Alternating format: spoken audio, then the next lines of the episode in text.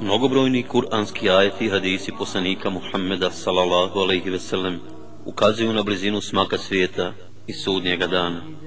Uzvišeni Allah kaže Bismillahirrahmanirrahim اقترب للناس حسابهم وهم في غفلة معرضون Ljudima se bliži čas polaganja računa njihova, a oni, bezbrižni, ne mare za to. Ahmed prenosi od Ibn Omera radi Allahu anhu da je poslanik sallallahu alaihi veselem rekao Poslan sam neposredno pred sudnji dan. Vrijeme koje je ostalo za život na zemlji iznosi vrlo malo u odnosu na vrijeme koje je prošlo, dok broj preostalih dana za život na zemlji zna samo Allah Đelešanuhu. Znanje o času nastupanja smaka svijeta i sudnjeg dana Allah Đelešanuhu ostavio je samo za sebe. Uzvišeni Allah kaže يسألونك عن الساعة أيان مرساها قل إنما علمها عند ربي لا يجليها لوقتها إلا هو فقلت في السماوات والأرض لا تأتيكم إلا بغتة يسألونك كأنك حفي عنها قل إنما علمها عند الله ولكن أكثر الناس لا يعلمون Pitaju te o smaku svijeta kada će se zbiti. Reci, to zna jedino gospodar moj. On će ga u njegovo vrijeme otkriti, a težak će biti nebesima i zemlji. Sasvim neočekivano će vam doći. Pitaju te kao da ti o njemu nešto znaš, reci, to samo Allah zna, ali većina ljudi ne zna. Allah Đelešanuhu je svoga posljednjeg poslanika Muhammeda, sallallahu alaihi ve sellem, detaljno upoznao sa predznacima smaka svijeta i sudnjeg dana.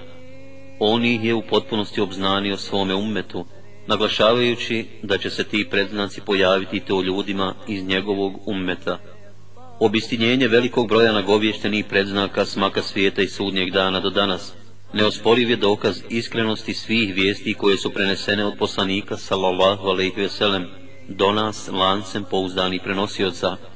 To kod čovjeka učvršći ubjeđenje u proživljenje nakon smrti, polaganje računa pred Allahom Đelešanhu i vječnu nagradu u džennetu i kaznu u džehennemu te ga izvodi iz pasivnosti zbog zaokupljenosti ovo svjetskim obavezama i uživanjima i podstiče na aktivno razmišljanje i pripremanje za sudnji dan.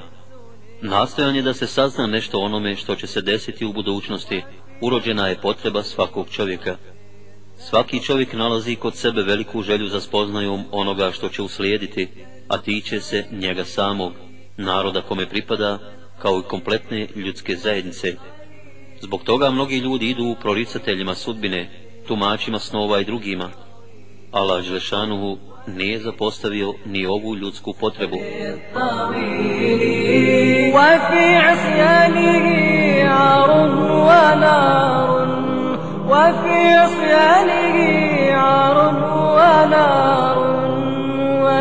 البعد ماخزين وفي Predznaci smaka svijeta i sudnjeg dana dijele se na dvije vrste. Mali predznaci i veliki predznaci. Mali predznaci se javljaju u obliku nenadprirodnih pojava. Dosta njih se već pojavilo, a neki će se pojaviti zajedno sa velikim predznacima. Veliki preznaci će se pojaviti u obliku nadprirodnih pojava. Oni će se pojaviti pred sami smak svijeta prema pojavljivanju i nestajanju preznaka smaka svijeta i sudnjeg dana, učenjaci su ih podijelili u tri vrste. Predznaci koji su se pojavili i nestali, predznaci koji su se pojavili i nestali, ali se iznova pojavljuju, predznaci koji se još nisu pojavili. U prve dvije vrste se ubrajaju mali predznaci, a u treću vrstu se ubrajaju svi veliki i neki mali predznaci. Mali predznaci sudnjeg dana. Buhari prenosi od Enesa radi Allah vanhu, da je poslanik sallallahu alejhi ve sellem rekao Moje poslanstvo i sudnji dan su kao ovo dvoje, pa je sastavio dva prsta, kaži prst i srednjak. Poslanstvo Muhammeda sallallahu alejhi ve sellem je prvi predznak sudnjeg dana, jer između njegovog poslanstva i sudnjeg dana neće biti poslanika.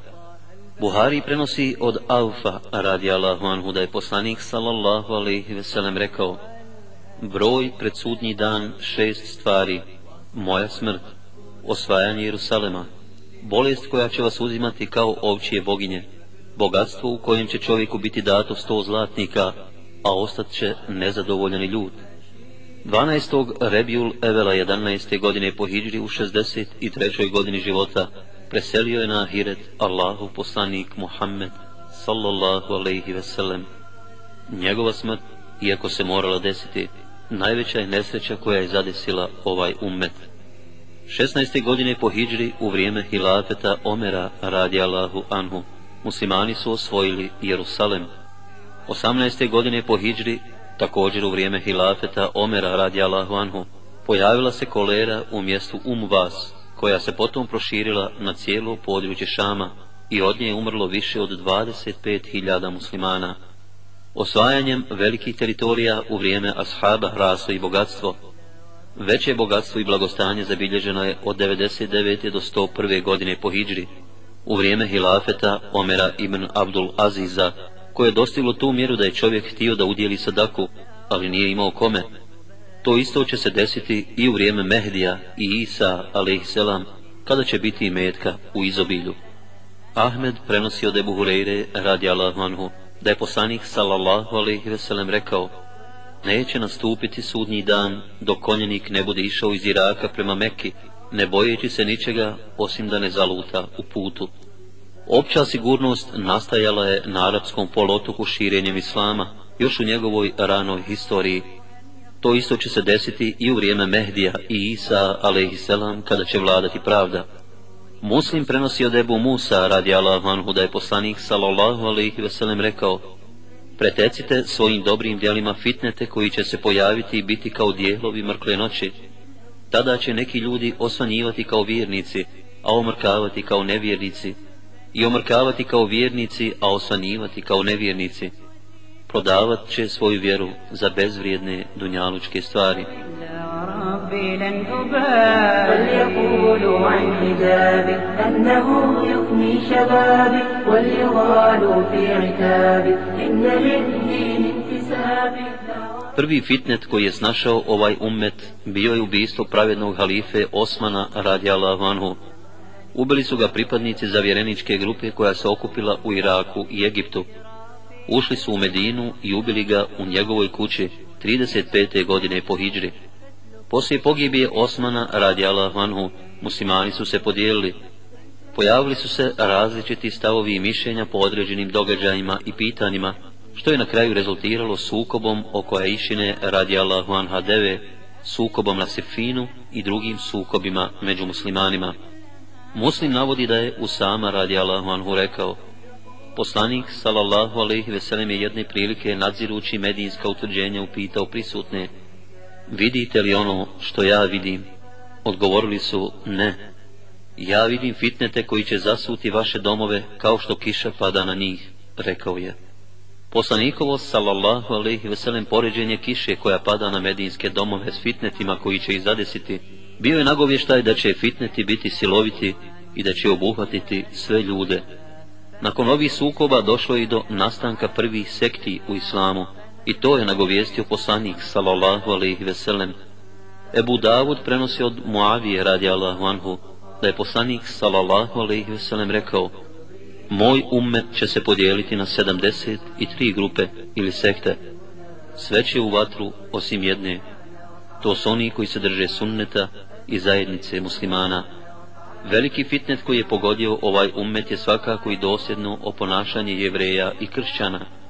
Buhari prenosi od Ebu Hureyre radijalahu anhu da je poslanik sallallahu alaihi veselem rekao Neće nastupiti sudnji dan sve dok moj ummet ne počne oponašati prijašnje narode.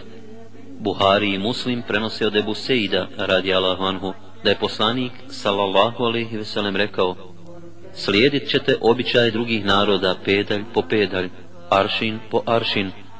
Toliko ćete ih slijepo slijediti da kada bi ušli u gušterovu rupu, i vi bi ušli za njima. Rekli smo, Allahov poslaniće, da li se radi o jevrejima i kršćanima, pa o kome drugom, odgovorio je.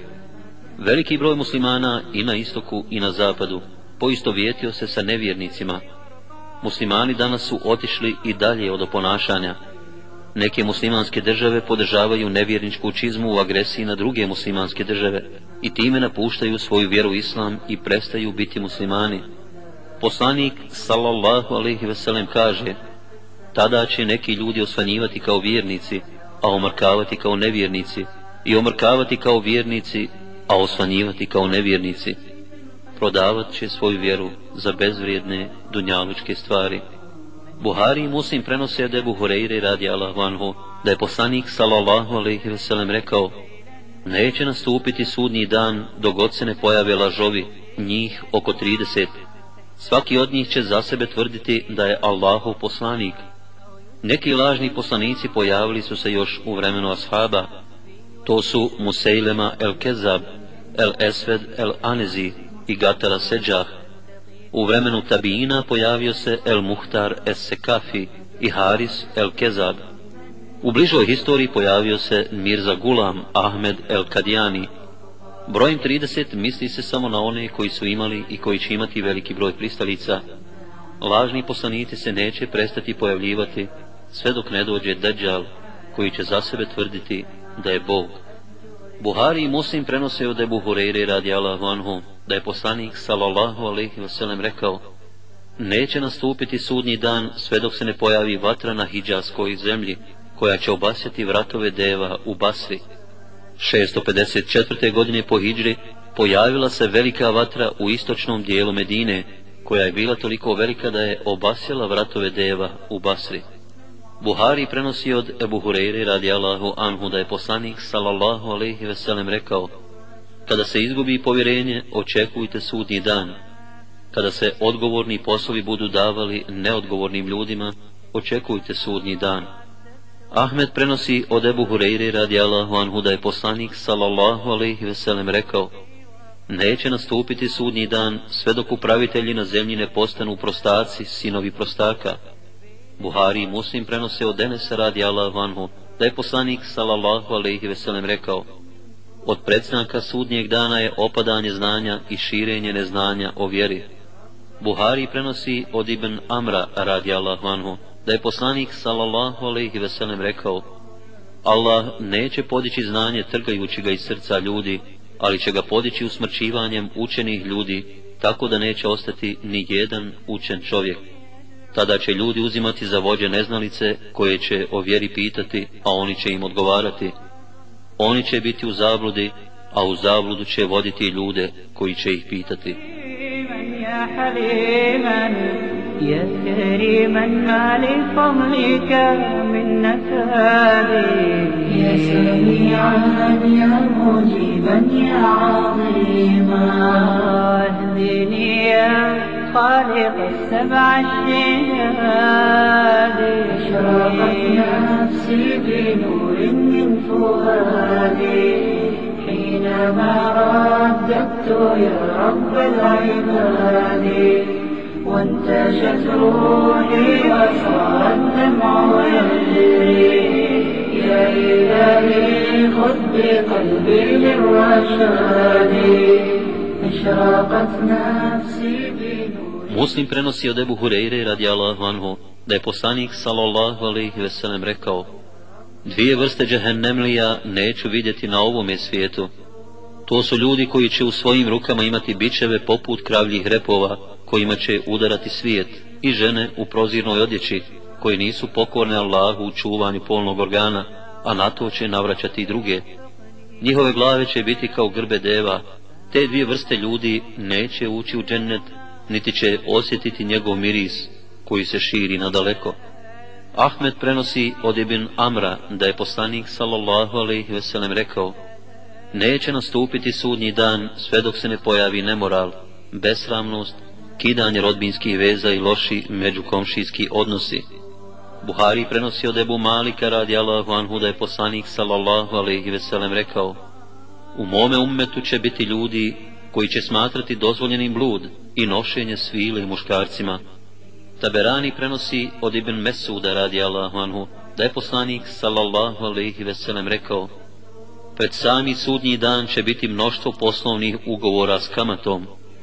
Buhari prenosi od Ebu Hureyri radi Allahu anhu, da je poslanik sallallahu alaihi veselem rekao, doći će vrijeme kada čovjeku neće biti bitno kako stiće zaradu, da li na dozvoljen ili nedozvoljen način.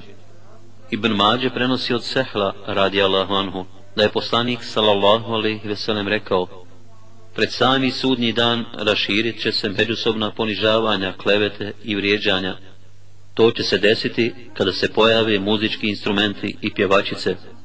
Muslim prenosi od Enesa radi Allahu anhu da je poslanik sallallahu alaihi veselem rekao, od predznaka sudnjeg dana je i ispijanje opojnih pića.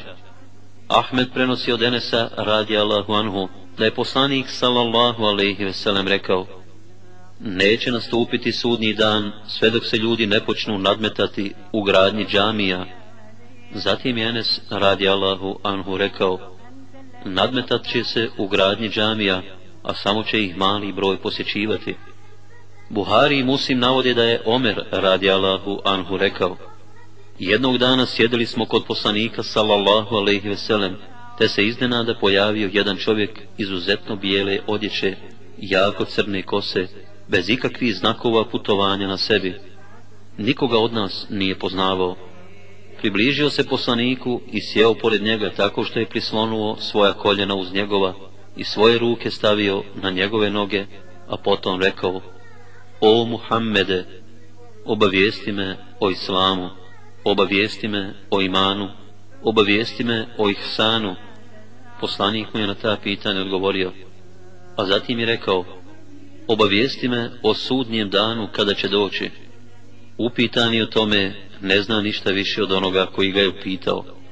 Obavijesti me o njegovim predznacima, kada robinja sebi rodi gospodara i kada vidiš gole i bose čobane, kako se nadmeću u gradnji visokih kuća, odgovorio je poslanik, sallallahu alaihi veselem. U tumačenju poslanikovih, sallallahu alaihi veselem riječi, kada robinja rodi sebi gospodara, postoji više mišljenja. Najispravnije mišljenje je da je to vrijeme kada djeca će biti toliko loša prema svojim roditeljima, da će se odnositi prema njima kao da su roblje u njihovom posjedu. Prezirat će ih, zlostavljati, udarati i iskorištavati. Muslim prenosi od Ebu Hureyre radijallahu anhu da je poslanik sallallahu alaihi wasallam rekao neće nastupiti sudnji dan sve dok ne učesta heređ prisutni su upitali, a šta je to heređ, Ubistva, odgovorio je poslanik sallallahu alaihi veselem. Ahmed prenosi od Ebu Hureyre radi Allahu anhu, da je poslanik sallallahu alaihi veselem rekao, neće nastupiti sudnji dan sve dok vrijeme ne bude brzo prolazilo, tako da će godina izgledati kao mjesec, mjesec će izgledati kao sedmica, sedmica će izgledati kao dan, dan će izgledati kao sad, a sad će izgledati kao vrijeme potrebno da sagori jedan palmin list. Muslim prenosio da je Buhureyri radi Allahu anhu, da je poslanik sallallahu alaihi veselem rekao, kada vrijeme bude brzo prolazilo, skoro da ni jedan sam vjernika neće biti neistinit. Najistinitije snove imat će oni koji budu najiskreniji u govoru. Ahmed prenosi od Ibn Mesuda radi Allahu anhu, da je poslanik sallallahu alaihi veselem rekao, Od predznaka sudnjeg dana je da će čovjek nazivati selam samo onima koje poznaje. Poslanik sallallahu alaihi veselem nas je posticao na nazivanje selama svima i onima koje poznajemo i onima koje ne poznajemo. Muslim prenosi od Ebu Hureyri radi Allahu anhu da je poslanik sallallahu alaihi veselem rekao Nećete ući u džennet sve dok ne budete vjerovali, a nećete vjerovati sve dok se ne budete voljeli Hoćete li da vas uputim na dijelo koje kada budete činili međusobno ćete se voljeti? Širite selam. Ibn Huzeyme prenosi od Ibn Mesuda radi Allahu anhu, da je poslanik sallallahu alaihi ve sellem rekao, od predznaka sudnjeg dana je da će ljudi prolaziti kroz džamije, a u njima neće klanjati ni dva rekiata. Neke džamije su postale poput muzeja, a nekada su bile mjesto slavljenja, hvaljenja i veličanja Allaha Đelešanuhu. Dok su neke džamije toliko prostrane, kao što su Međidul Haram u Meki i Međidul Nebevi u Medini, da ljudi prolaze kroz njih da bi skratili svoj put. Buhari prenosi od Denesa radi Allahu anhu da je poslanik sallallahu alaihi ve sellem rekao od predznaka sudnjeg dana je mnogo iznenadnih smrti. Ahmed prenosi od Seleme ibn Nufejla radi Allahu anhu da je poslanik sallallahu alaihi ve sellem rekao pred sudnji dan će se pojaviti velika smrtnost nakon koje će uslijediti veliki broj zemljotresa. Hakim prenosi od Ebu Umame radi Allahu anhu da je poslanik sallallahu alaihi ve sellem rekao Zanočit će grupa ljudi iz moga ummeta nakon hrane, pića i zabave, pa će osvanuti pretvoreni u majmune i svinje. Ebu Davud prenosi od Enesa radi Allahu anhu da mu je poslanik sallallahu alaihi ve sellem rekao O Enese, ljudi se naseljavaju u različita mjesta. Jedan od gradova kojeg će naseliti zvat će se Basra, pa ako budeš prolazio kroz Basru ili uđeš u nju, pripazi se njene slanače, sidrišta, njene čaršije i vrata njenih vladara. Ti se drži njenih krajeva jer će u njoj biti propadanja tla, padanja kamenja sa neba, žestokih zemljotresa i narod koji će zanočiti u selametu, a osvanuti pretvoreni u majmune i svinje.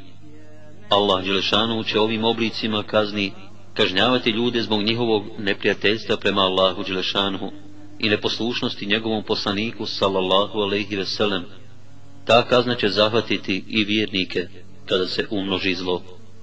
Ebu Davud prenosi od Sevbana radi Allahu anhu da je poslanik sallallahu alaihi ve sellem rekao Doći će vrijeme kada će se nevjernički narodi pozivati na vas, kao što se gladni ljudi pozivaju na zajedničku im sofru, bez ustručavanja.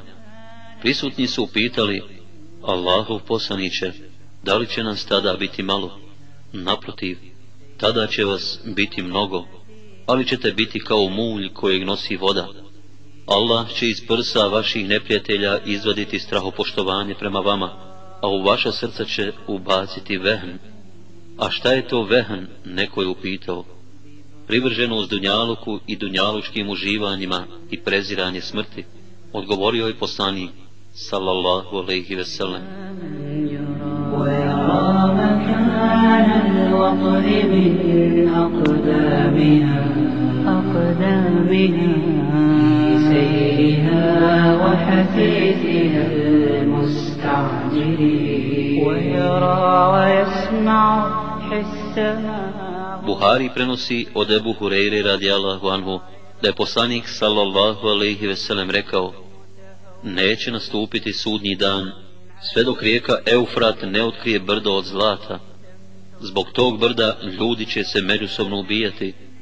Od stotinu bit će ubijeno 99 i svako od njih će tada reći nadam se da ću ja ostati živ. Najvjerovatnije da će rijeka Eufrat promijeniti svoj tok i otkriti brdo od zlata koje je zasuto i prekriveno zemljom i prašinom. Neki spominju da je to brdo već pronađeno i povezuju okupaciju Sjedinjenih američkih država i njihovih saveznika Iraka s tim. Allah Đelešanovu najbolje zna. Ebu Davud prenosi od Ibn Omera radi Allahu anhu, da je poslanik sallallahu alaihi ve sellem rekao Doći će vrijeme kada će muslimani biti stješnjeni prema Medini, tako da će najistureniji položaj biti u mjestu Selah. Selah je manje mjesto u blizini Hajbera, Nevjernici će vršiti pohode na muslimanske zemlje i zauzimati ih. Okupacija Afganistana i Iraka od strane Sjedinjenih američkih država i njihovih saveznika je sigurno stišnjavanje obruča oko Medine. Nakon stišnjavanja muslimana prema Medini, Allah Želešanu će dati da se pojavi čovjek iz porodice poslanika Muhammeda sallallahu alaihi veselem, kojim će Allah Želešanu pomoći ovu vjeru. Ime će mu biti Muhammed, a ime njegovog oca Abdullah bit će poznat kao Mehdi.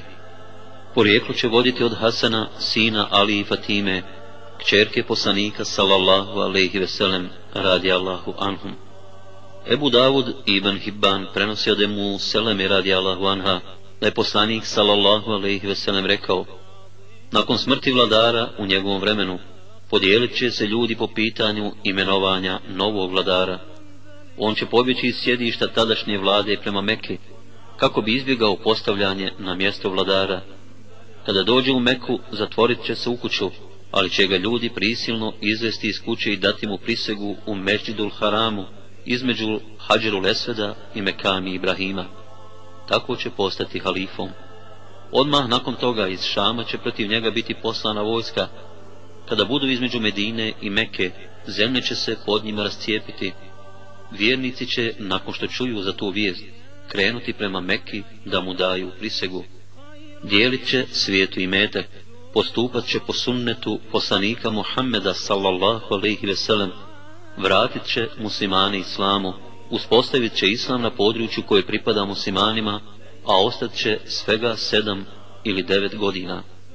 Ahmed prenosi od Bekire radijallahu anha, da je poslanik sallallahu alaihi veselem rekao, kada čujete da je kompletna vojska propala u zemlji blizu Medine, znajte da je sudnji dan veoma blizu. Ahmed prenosi od Ebu Sejda radi Allahu anhu, da je poslanik sallallahu alaihi veselem rekao, donosim vam radosnu vijest o Mehdi, pojavit će se u vrijeme velikih raskola i zemljotresa, ispunit će zemlju dobrom i pravdom, onako kako je bila ispunjena zlom i nepravdom, njime će biti zadovoljni stanovnici nebesa i zemlje, i metak će dijeliti jednako među ljudima. Ispunit će Allah srca pripadnika Mohamedovog ummeta zadovoljstvom, i sviju će obuhvatiti njegova pravda. Naredit će telalu da viće, treba li kome šta od imetka, neće se javiti niko osim jednog čovjeka, pa će mu reći, idi kod čuvara blaga. Kada dođe čuvari, reći će mu, Mehdi ti naređuje da mi dadneš blaga. Kada mu dadne veliku količinu zlata, pokajat će se i reći, bio sam najpohlepniji čovjek iz Muhammedovog umeta, zar mi nije bilo dovoljno ono što i ostalima? Htjet će ga vratiti, ali mu ga neće primiti, reći će mu, mi ono što damo, ne primamo nazad. Muslim prenosi od Ebu Hureyre radi Allahu anhu da je poslanik sallallahu alaihi veselem rekao Neće nastupiti sudnji dan sve dok se arapska zemlja ne vrati u prvobitni oblik pašnjaka i rijeka. Arapska zemlja je nekada bila prekrivena pašnjacima i rijekama i ona će ponovo takva postati pred kraj ovoga svijeta.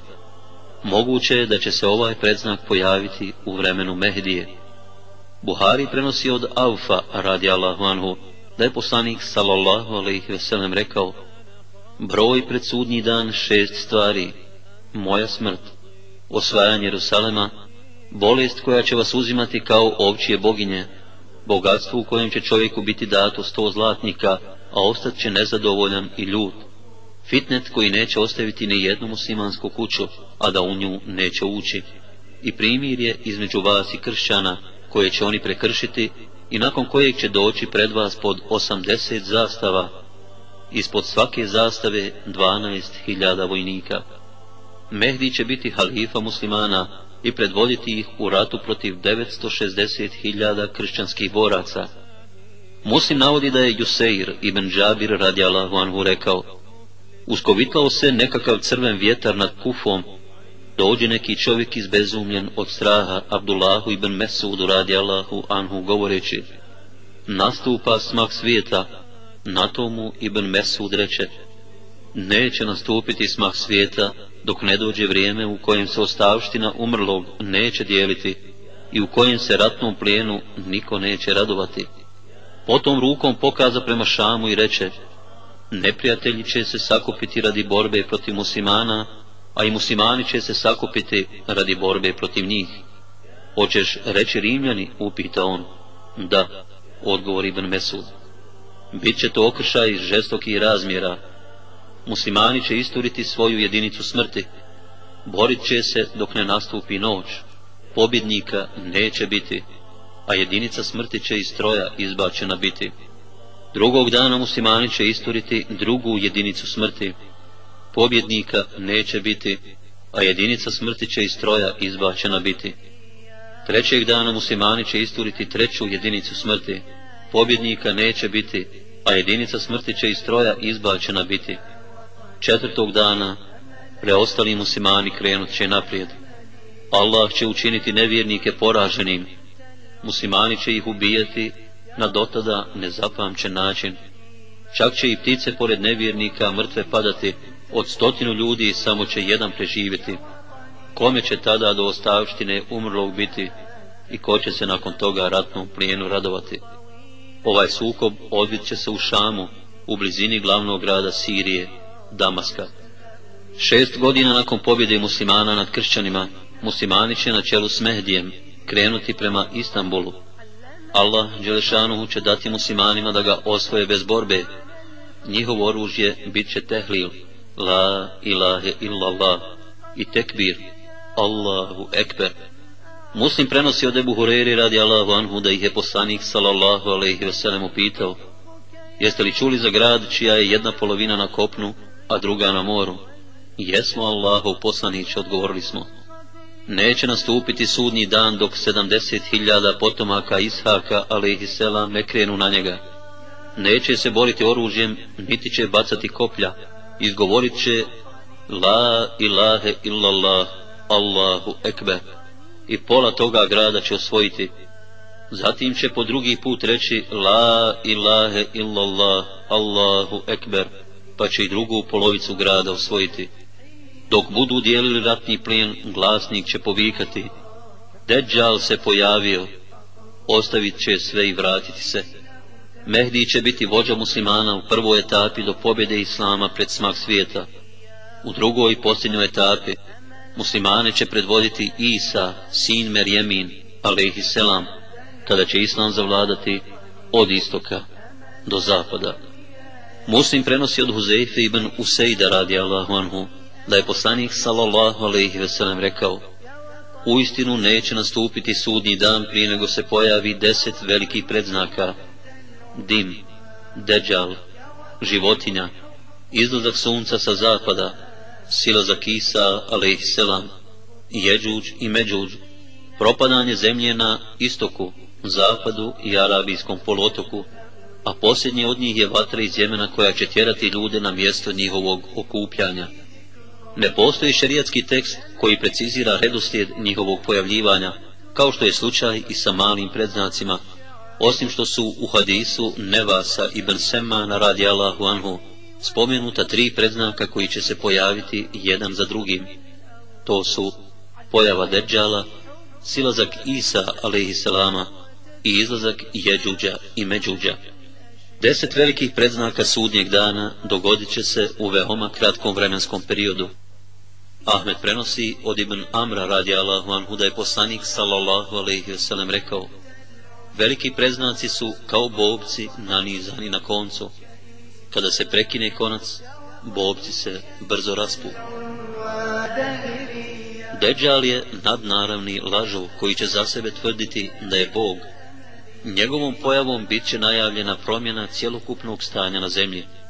Svaki poslanik je upozorio svoj ummet na njega, a Muhammed sallallahu alaihi ve sellem ga je detaljno opisao kako bi ga prepoznali vjernici iz njegovog ummeta u čijem vremenu se pojavi. Bit će izuzetno visok čovjek, bit će mlad, hodat će primaknutih prstiju i razmaknutih peta, bit će širokih prsa, gubav i šepav, imat će kovrđavu kosu i jedno sasušeno oko, bit će rumen i širokog čela. Između očiju će mu biti ispisana tri nepovezana slova, kaf, fa i ra, koja će označavati njegovo nevjestvo. Pročitat će ih svaki vjernik, bez obzira znao ili ne znao čitati. Neće imati djece. Pojavit će se u Iranu. Međutim, muslimanima će se ukazati tek kada stigne do mjesta između Iraka i Šama. Pojavit će se nakon osvajanja Istambula. Ebu Davud prenosi od Ibn Busra radi Allahu anhu da je poslanik sallallahu alaihi ve sellem rekao Između velike bitke i osvajanja Istanbula bit će šest godina, a u sedmoj će se pojaviti Deđal. Boravit će na zemlji četrdeset dana. Prvi dan će biti kao godina, drugi kao mjesec, treći kao sedmica, a ostali dani će biti kao obični dani. Neće ostaviti ni jedno mjesto, a da u njega neće ući, osim Mekke i Medine.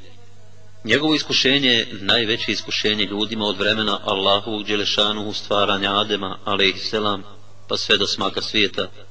To je zbog toga što će mu Allah Đelešanuhu dati nadnaravnu moć. Njegovo iskušenje sastojat će se od sljedećeg. Kretat će se brzinom kiše koju nosi vjetar. Imat će dvije rijeke koje će nuditi ljudima. Muslim prenosi od Huzeife radi Allahu anhu da je poslanik sallallahu alaihi veselem rekao Deđal će imati dvije rijeke koje će teći. Jedna od njih će izgledati kao da je od vode, a druga će izgledati kao da je od rasplamsane vatre. Ko ugleda te rijeke neka uđe u onu koju bude vidio kao vatru, neka se sagne i napije. To će biti u istinu hladna voda. Podržavat će ga i pomagati šeitani. Buhari prenosi od Ebu Umame radi Allahu anhu da je poslanik sallallahu alaihi veselem rekao U njegovo iskušenje spada i to da će reći Beduinu Kada bih oživio tvoga oca i majku, bili posvjedočio da sam ti ja gospodar, Bog, svakako da bih, odgovorit će.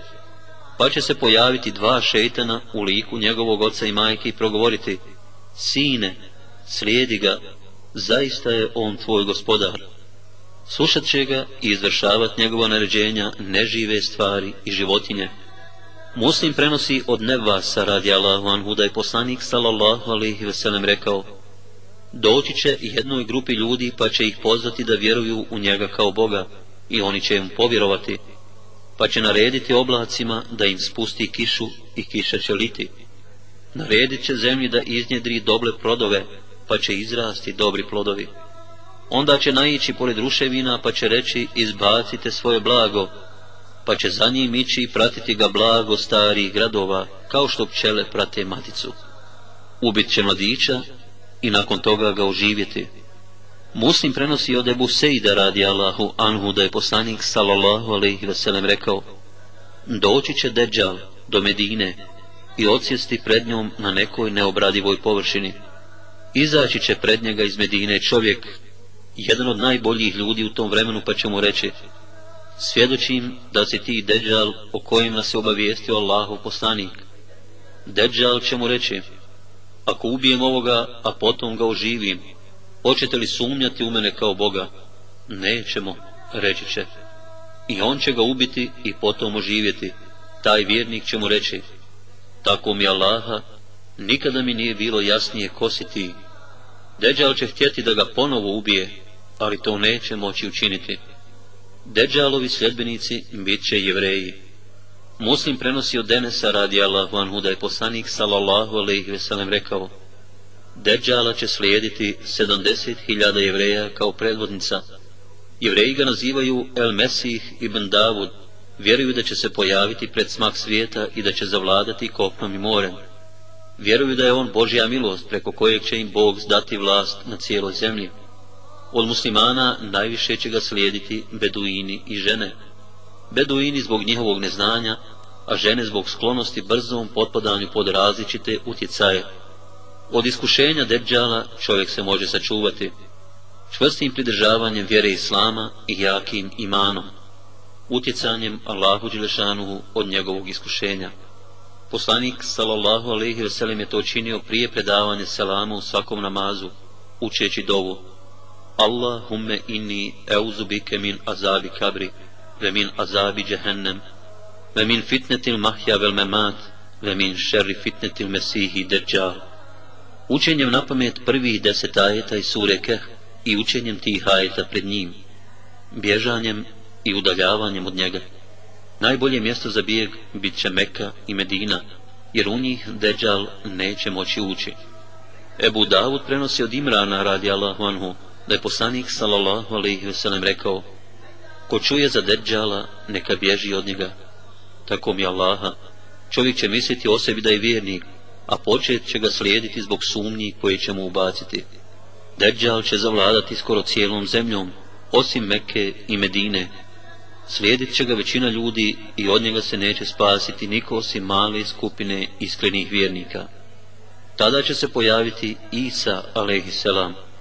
Uzvišeni Allahu Isa, alaihisselam, kaže وقولهم إن قتلنا المسيح عيسى ابن مريم رسول الله وما قتلوه وما صلبوه ولكن شبه لهم وإن الذين اختلفوا فيه لفي شك منه ما لهم به من علم إلا اتباع الظن وما قتلوه يقينا بل رفعه الله إليه وكان الله عزيزا حكيما Nisu ga ubili, niti su ga razapeli na križ, nego im se pričinilo.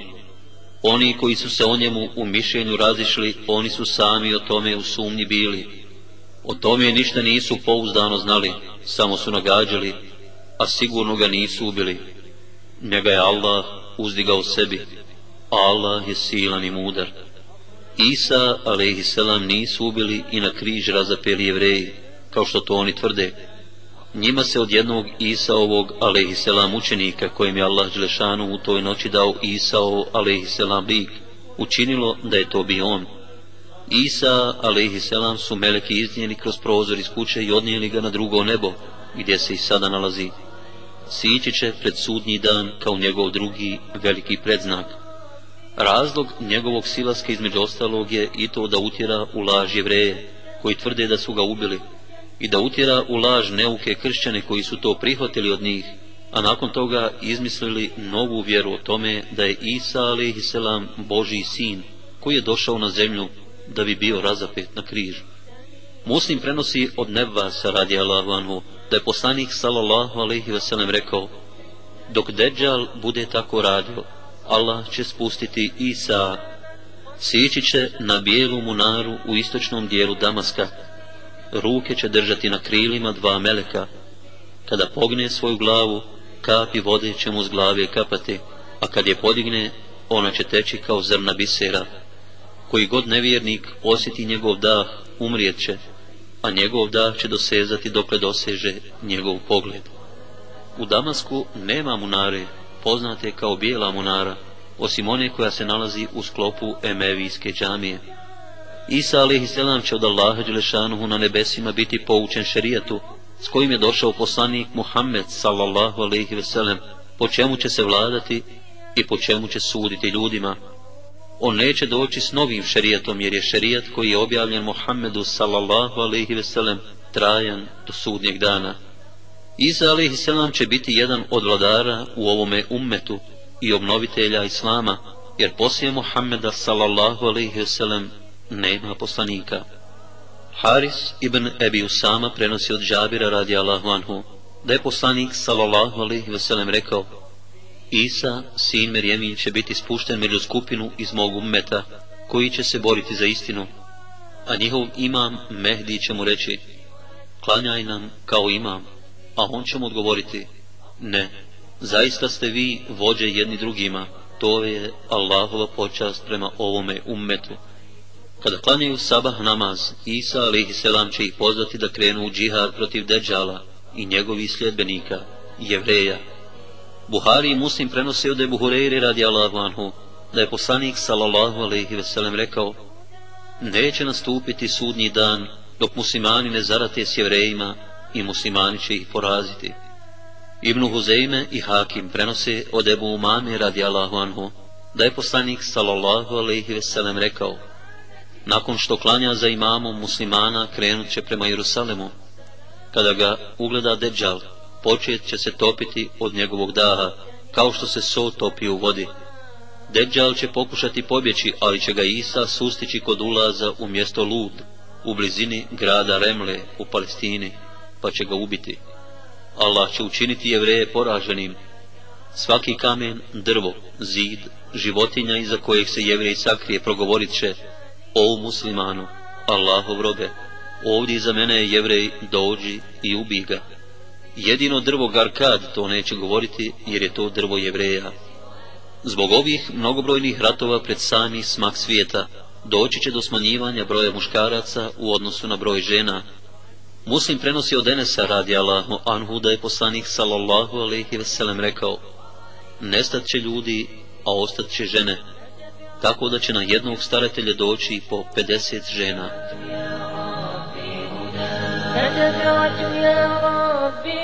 فتكرت يا ربي هدى فتكرت يا ربي هدى فتكرت يا ربي هدى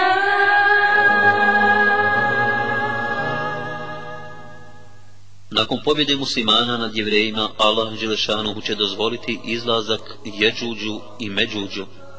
Jeđuđ i Međuđ su dva ogromna naroda. Nakon općeg potopa koji se desio u vremenu Nuha, alaihisselam, Allah Đelešanuhu je učinio bez potomaka sve ljude koji su sa Nuhom, alaihisselam, spašeni, osim trojice Nuhovih, alaihisselam, sinova. Zbog toga je Nuh, alaihisselam, drugi otac čovečanstva. Sejid ibn Musejib kaže, Nuh je ostavio tri sina, Sama, Hama i Jafeta, a svaki od njih je predak po tri grupe naroda. Tako je Sam predak Arapa, Perzijanaca i Bizantijaca, Ham je predak Kopta, Crnaca i Berbera, a Jafet je predak Turaka, Slavena i Jeđuđa i Međuđa.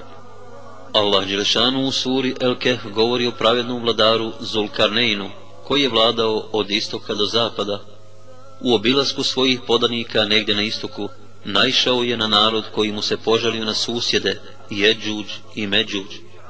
Uzvišeni Allah kaže, ثم أتبع سببا حتى إذا بلغ مطلع الشمس وجدها تطلع على قوم لم نجعل لهم من دونها سترا. كذلك وقد أحطنا بما لديه خبرا. ثم أتبع سببا حتى إذا بلغ بين السدين وجد من دونهما قوما لا يكادون يفقهون قولا. قالوا يا ذا القرنين إن يأجوج ومأجوج مفسدون في الأرض فهل نجعل لك خرجا على أن تجعل بيننا وبينهم سدًّا؟ قال ما مكني فيه ربي خير فأعينوني بقوة أجعل بينكم وبينهم ردما. آتوني زبر الحديد حتى إذا ساوى بين الصدفين قال انفخوا. حتى إذا جعله نارا قال آتوني أفرغ عليه قطرا فما استطاعوا أن يظهروه وما استطاعوا له نقبا قال هذا رحمة من ربي فإذا جاء وعد ربي جعله دكاء وكان وعد ربي حقا. وتركنا بعضهم يومئذ يموج في بعض ونفخ في الصور فجمعناهم جمعا. Kad stiže između dvije planine, nađe ispred njih narod koji je jedva govor razumijevao. Ovo Zulkarnejne, rekoše oni, Jeđuđ i Međuđ čine nered po zemlji, pa hoćeš li da između nas i njih zid podigneš, mi ćemo te nagraditi. Bolje je ono što mi je gospodar moj dao, reče on, nego samo vi pomozite meni što više možete i ja ću između vas i njih zid podići donesite mi velike komade gvožđa i kad on izravna dvije strane brda reče pušite, a kad ga usija reče donesite mi rastopljen mjed da ga zalijem. I tako oni nisu mogli taj zid ni da pređu, niti su mogli da ga prokopaju. Ovo je blagodat gospodara moga, reče on. A kada se prijetnje gospodara moga ispuni, on će zid sa zemljom sravniti, a prijetnja gospodara moga će se sigurno ispuniti. I mi ćemo tada učiniti da se jedni od njih kao talasi sudaraju s drugima. Što se tiče mjesta tog zida, pouzdano se zna da je na istoku. Neki vladari i historičari su pokušavali saznati gdje se on nalazi, ali bez uspjeha. Tirmizi prenosi od Ebu Hureyri radi Allah anhu da je poslanik sallallahu alaihi veselem rekao Jeđuđ i Međuđ kopaju zid svaki dan sve dok ga gotovo ne prokopaju. Tada njihov vođa kaže Vratite se, sutra ćete prokopati to što je ostalo, ali ga Allah u toku noći vrati u prvobitno stanje. Kada dođe vrijeme da izađu, Allah će učiniti da njihov vođa kaže Vratite se, sutra ćete prokopati to što je ostalo, ako Bog da. Doći će sutra dan i naći će ga onakvim kakvim su ga i ostavili, pa će ga prokopati i izaći će pred ljude. Činit će dotada nezapamćen nered na prostoru cijele zemaljske kugle i niko im se neće moći suprotstaviti.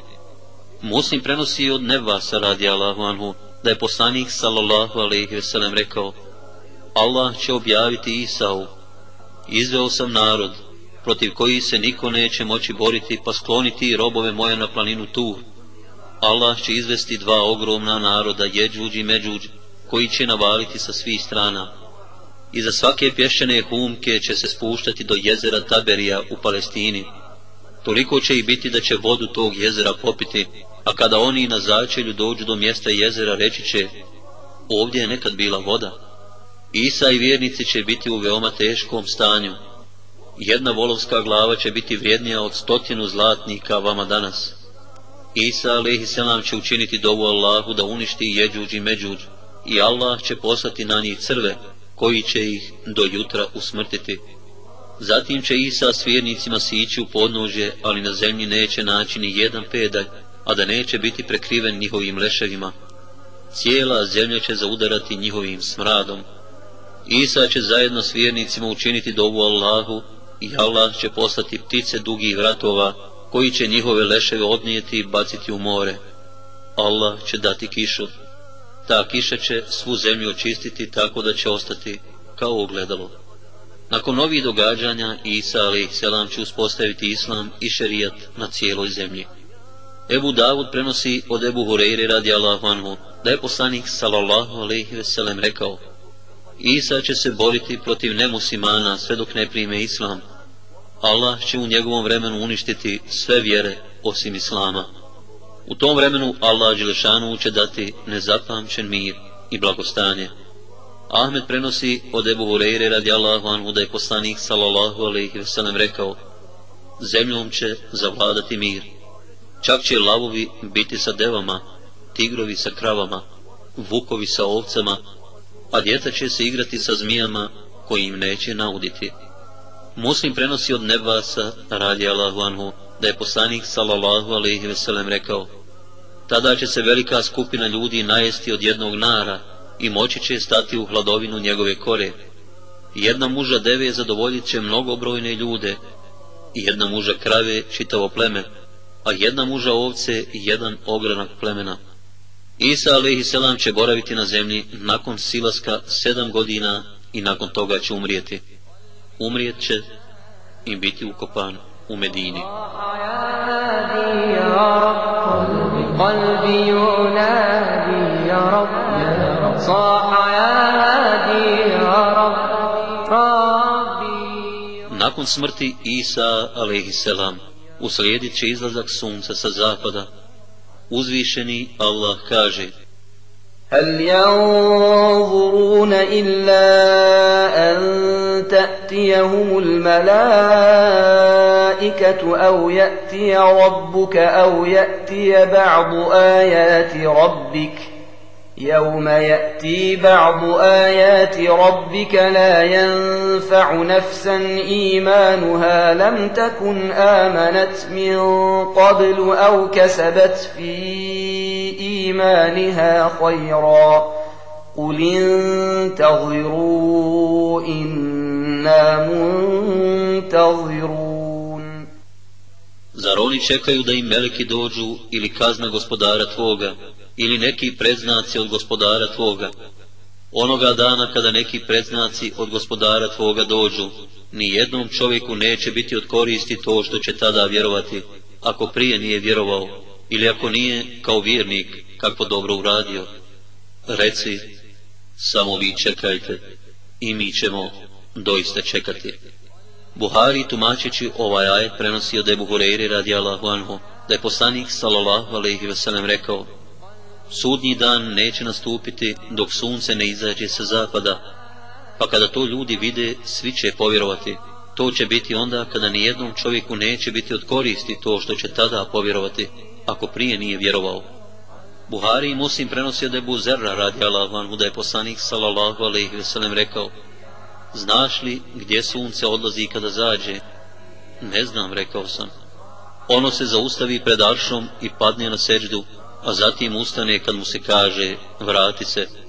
Uskoro će mu se ovo je buzerre reći, vrati se odakle si došlo. A to će biti onda kada nijednom čovjeku neće biti od koristi to što će tada vjerovati, ako prije nije vjerovao. Rekao je. Ibn Kathir prenosi od Huzeife radi Allahu anhu da je rekao Pitao sam poslanika sallallahu alaihi ve sellem Šta će biti znak izlaska sunca sa zapada? Poslanik odgovori Ta noć će se produžiti te će postati dužine dvije noći To će primijetiti oni koji budu u njoj klanjali pa će postupiti kao što su postupali prije nje a zvijezde se neće vidjeti otići će sa svojih mjesta Zatim će leći spavati, a potom ustati i klanjati, a zatim ponovo leći, pa onda ponovo ustati, jer će i zaboljeti strane na kojima su ležali od dužine noći. Te će se prepasti da neće osvanuti, dok oni budu iščekivali izlazak sunca sa istoka, ono će izaći sa zapada. Kada to ljudi vide, svi će povjerovati, ali im vjerovanje neće koristiti, ako prije nisu vjerovali. Izlaskom sunca sa zapada, bit će najavljene promjene u okviru sedam nebesa, vrata pokajanja će se zatvoriti, nevjernicima neće koristiti to što će tada na islam preći, niti će muslimanima griješnicima koristiti to što će se tada za grijehe pokajati i početi dobra djela činiti. Razlog neprimanja islama i pokajanja nakon izlaska sunca sa zapada je to što će znanje o Allahu Đelešanu, njegovom poslaniku, njegovom obećanju i prijetni postat će nužnost. Svi će zbog jake svijesti o blizini sudnjeg dana biti u stanju iščekivanja smrti i pri njima neće biti onoga što pospješuje nepokornost Allahu Đelešanu.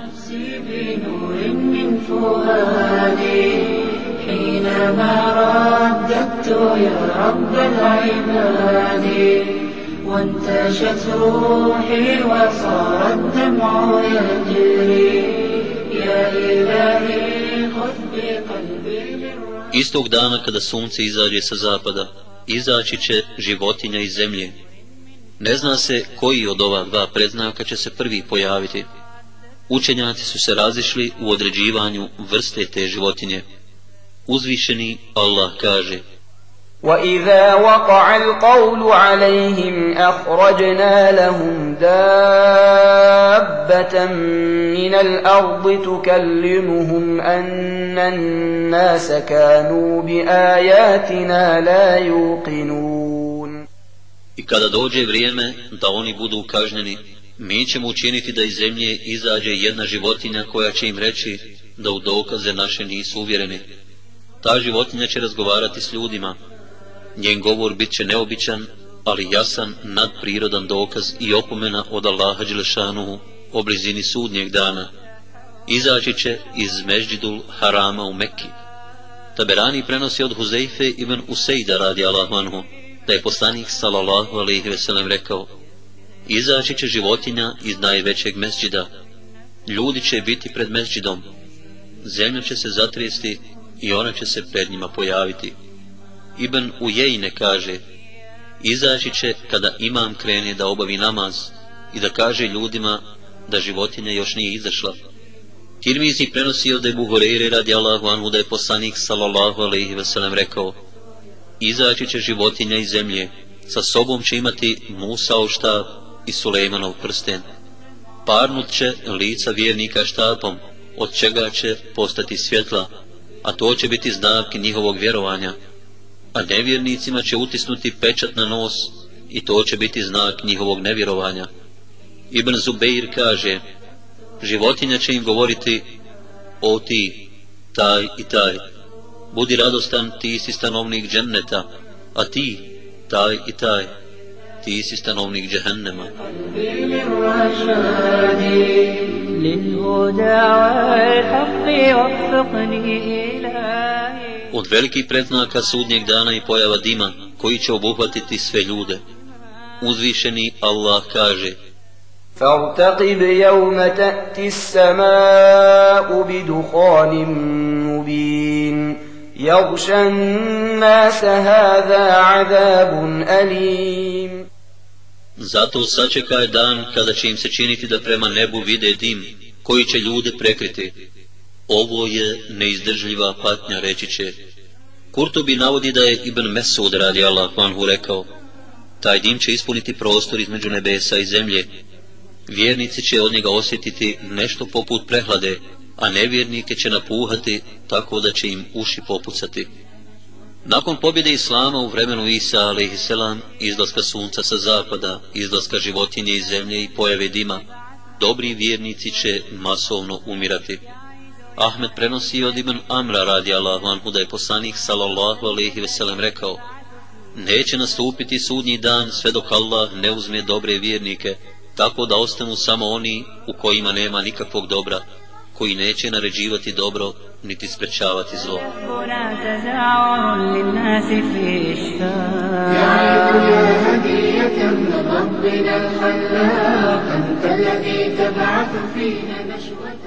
Nakon smrti dobrih vjernika, ponovo će se raširiti nepokornost Allahu Đelešanu i pokvarenost među ljudima pred sudnji dan. Desit će se i tri prostorno velika propadanja zemlje, Muslim prenosi od Umu Seleme radi Allahu anha, da je poslanik sallallahu alaihi veselem rekao, nakon mene bit će tri propadanja zemlje, na istoku, na zapadu i na arapskom poluotoku. Upitala sam Allahu poslaniće, zar će biti propadanja zemlje u vremenu kada će na njoj biti dobrih ljudi? Da, kada većina njenog stanovništva bude pokvarena, odgovorio je poslanik sallallahu alaihi veselem. Propadanje zemlje i mali predznak sugnjeg dana, međutim ova tri propadanja zemlje vjerovatno će biti prostorno mnogo veća. Nakon tri prostorno velika propadanja zemlje, Allah Đelešanu će podići Kur'an i Islam će nestajati. Ibn Mađe prenosi od Huzeife radijallahu anhu da je poslanik sallallahu alaihi veselem rekao Islam će se izlizati kao što se izliže šav na košulji. Neće se znati šta je post, niti šta je namaz, niti šta je hađ, niti šta je dobročinstvo. Allah će jedne noći podići Kur'an, te od njega na zemlji neće ostati niti jedan ajet. Ostat će samo stare, iznemogle osobe koje će govoriti Zatekli smo očeve naše da izgovaraju La ilahe illallah, pa i mi to izgovaramo. Kur'an će biti podignut iz stranica na kojima je bio napisan i iz memorije ljudi. Sve to će se odviti između jacije i sabaha. Allah Đelešanu će poslati blagi vjetar koji će uzeti duše preostalih vjernika. Ostat će samo nevjernici nad kojima će nastupiti smak svijeta. Muslim prenosi od Nevasa radi Allahu anhu da je poslanik sallallahu alaihi veselem rekao Allah će poslati blag vjetar pa će prihvatiti svakog vjernika ispod pazuha i uzeti im duše. Ostat će samo najgori ljudi koji će otvoreno blud činiti kako to čine magarci. Na takvima će nastupiti smak svijeta. Muslim prenosi od Ibn Amra radi Allahu anhu da je poslanik sallallahu alaihi veselem rekao Allah će iz pravca Šama poslati blag vjetar koji će svima na zemlji u čijem srcu bude trun imana uzeti dušu. Čak i kad bi se neko od vjernika sakrio u pećinu, vjetar bi u nju prodro i uzeo mu dušu. Na zemlji neće ostati niko ko će spominjati ime Allaha Đelešanuhu. Muslim prenosi od Denesa radi Allahu Anhu da je poslanik sallallahu alaihi veselem rekao Neće nastupiti sudnji dan sve dok se na zemlji ne prestane izgovarati Allah, Allah. Blud će se raširiti u dotada nezapamćenoj mjeri. Ebu Java prenosi od Ebu Hureyre radi Allahu anhu da je poslanik sallallahu alaihi veselem rekao Tako mi onoga u čioj ruci je moja duša, ovaj ummet neće nestati sve dok muškarci ne budu prilazili ženama i s njima spolno općili po putevima tada će među njima najbolji biti oni koji će im reći mogli ste to obaviti iza zida. Medina, grad Allahovog poslanika sallallahu alaihi veselem, pred kraj svijeta bit će napuštena i u njoj će se nastaniti zvijeri. Buhari prenosi od Ebu Hureyri radijallahu anhu da je poslanik sallallahu alaihi veselem rekao Sigurno ćete napustiti Medinu, u nju neće niko ulaziti osim zvijeri. Posljednji u njoj će biti dva pastira iz plemena Muzein. Ući će u Medinu s ovcama, a u Medini će naći samo divljinu. Ići će dok ne stignu do posljednje padine, tu će umrijeti i pasti na lica. Malik prenosi od Ebu Hureyri radi Allahu da je poslanik sallallahu alaihi veselem rekao Sigurno ćete napustiti Medinu, pa će doći zvijeri i mokriti na zid ili mimber moje džamije. يفني شبابي وليغالوا في عتابي إن للدين انتسابي لا وربي لن أبالي ابنتي مثل الجبال Nevjernici koji ostanu srušit će Kjabu, koja nikada više nakon toga neće biti sagrađena. Ahmed prenosi od Ibn Omera radi Allahu anhu da je poslanik sallallahu alaihi veselem rekao Srušit će kjavu čovjek iz Abisinije koji će imati izrazito tanke potkoljenice. Opljačkat će njeno blago i strgnut njeno grtač. Kao da gledam u njega kako udara po kjavi svojim pojasom i krampom. Pojeva vatre će biti posljednji veliki predznak sudnjeg dana i nagovještaj početka smaka svijeta. Muslim prenosi od Huzeife ibn Usejda radi Allahu anhu, da je poslanik sallallahu alaihi veselem rekao, u istinu neće nastupiti sudnji dan prije nego se pojavi deset velikih predznaka, a posljednji od njih je vatra iz Jemena koja će tjerati ljude na mjesto njihovog okupljanja. Ova vatra će zahvatiti čitavu zemlju, najprije će se proširiti na istoku, a onda i na zapadu, i sakupiti ljude u šam. Zanočivat će tamo gdje ljudi zanoće i stajati gdje budu odmarali. Tjerat će ljude kao što čoban tjera svoje stado. Svi koji zaostanu izgorjet će u njoj. Nakon ovog stjerivanja svih ljudi u šam, Allah Đelešanu će narediti Meliku i Srafilu da puhne u sur, što će oni uraditi, i nastupit će smak svijeta. A Allah Đelešanu najbolje zna. وأنا باق هنا لست أرضى عن بلادي